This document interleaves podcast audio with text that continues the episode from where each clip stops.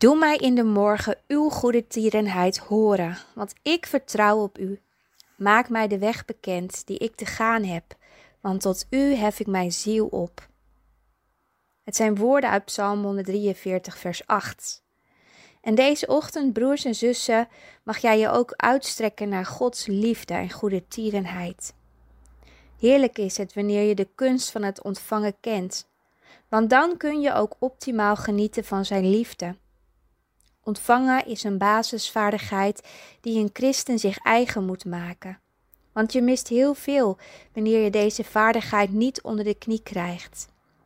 Wij, kinderen van de Allerhoogste Koning, mogen ons namelijk volgieten met alle zegeningen die van God komen.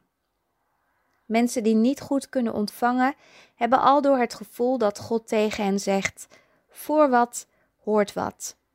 Deze mensen rennen voor God uit. Zij ervaren druk.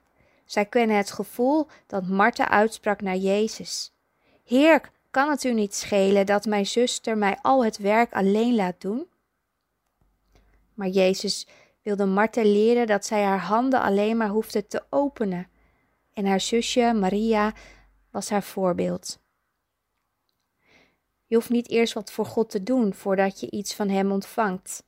Kijk vandaag naar Maria en leer de vaardigheid van ontvangen, want dan pas kun je overvloedig uitdelen.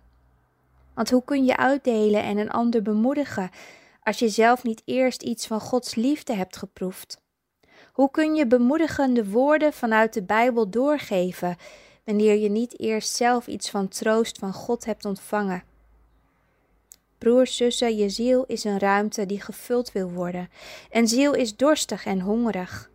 Deze behoefte heeft God in je gelegd. Je bent in je leven op zoek naar vervulling. En daarom is het nodig dat jij je ziel aanbiedt aan God. En dat je vraagt: Heer, ik wil uw liefde ontvangen.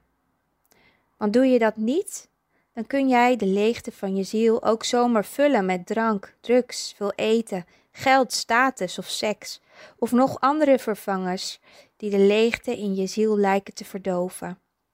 En dat is doodzonde, want dat leidt je naar de afgrond. Broers, zussen, jouw ziel wil leven. Ze wil gezond en sterk zijn. Ze wil groeien en zich ontwikkelen. Ze wil zich kunnen uiten en tot haar recht komen. Ze wil zich in de vrije ruimte kunnen bewegen. Schenk daarom aandacht aan je behoeftige ziel. Anders kan die doods aanvoelen. Dan word je vlak en pers je jezelf in een keurslijf. Je gevende houding is dan een plicht geworden. Het is nodig om goed voor je ziel te zorgen en je ziel te openen voor Gods liefde. Want bedenk dat God je niet alleen wil zegenen met je basisbehoeften. Nee, Hij wil dolgraag dat jouw gezicht gaat stralen. Hij wil je voeten laten dansen. Denk maar aan het eerste wonder van Jezus, waarin Hij water in wijn verandert. Dat mag jou bemoedigen. God wil je ziel het goede geven.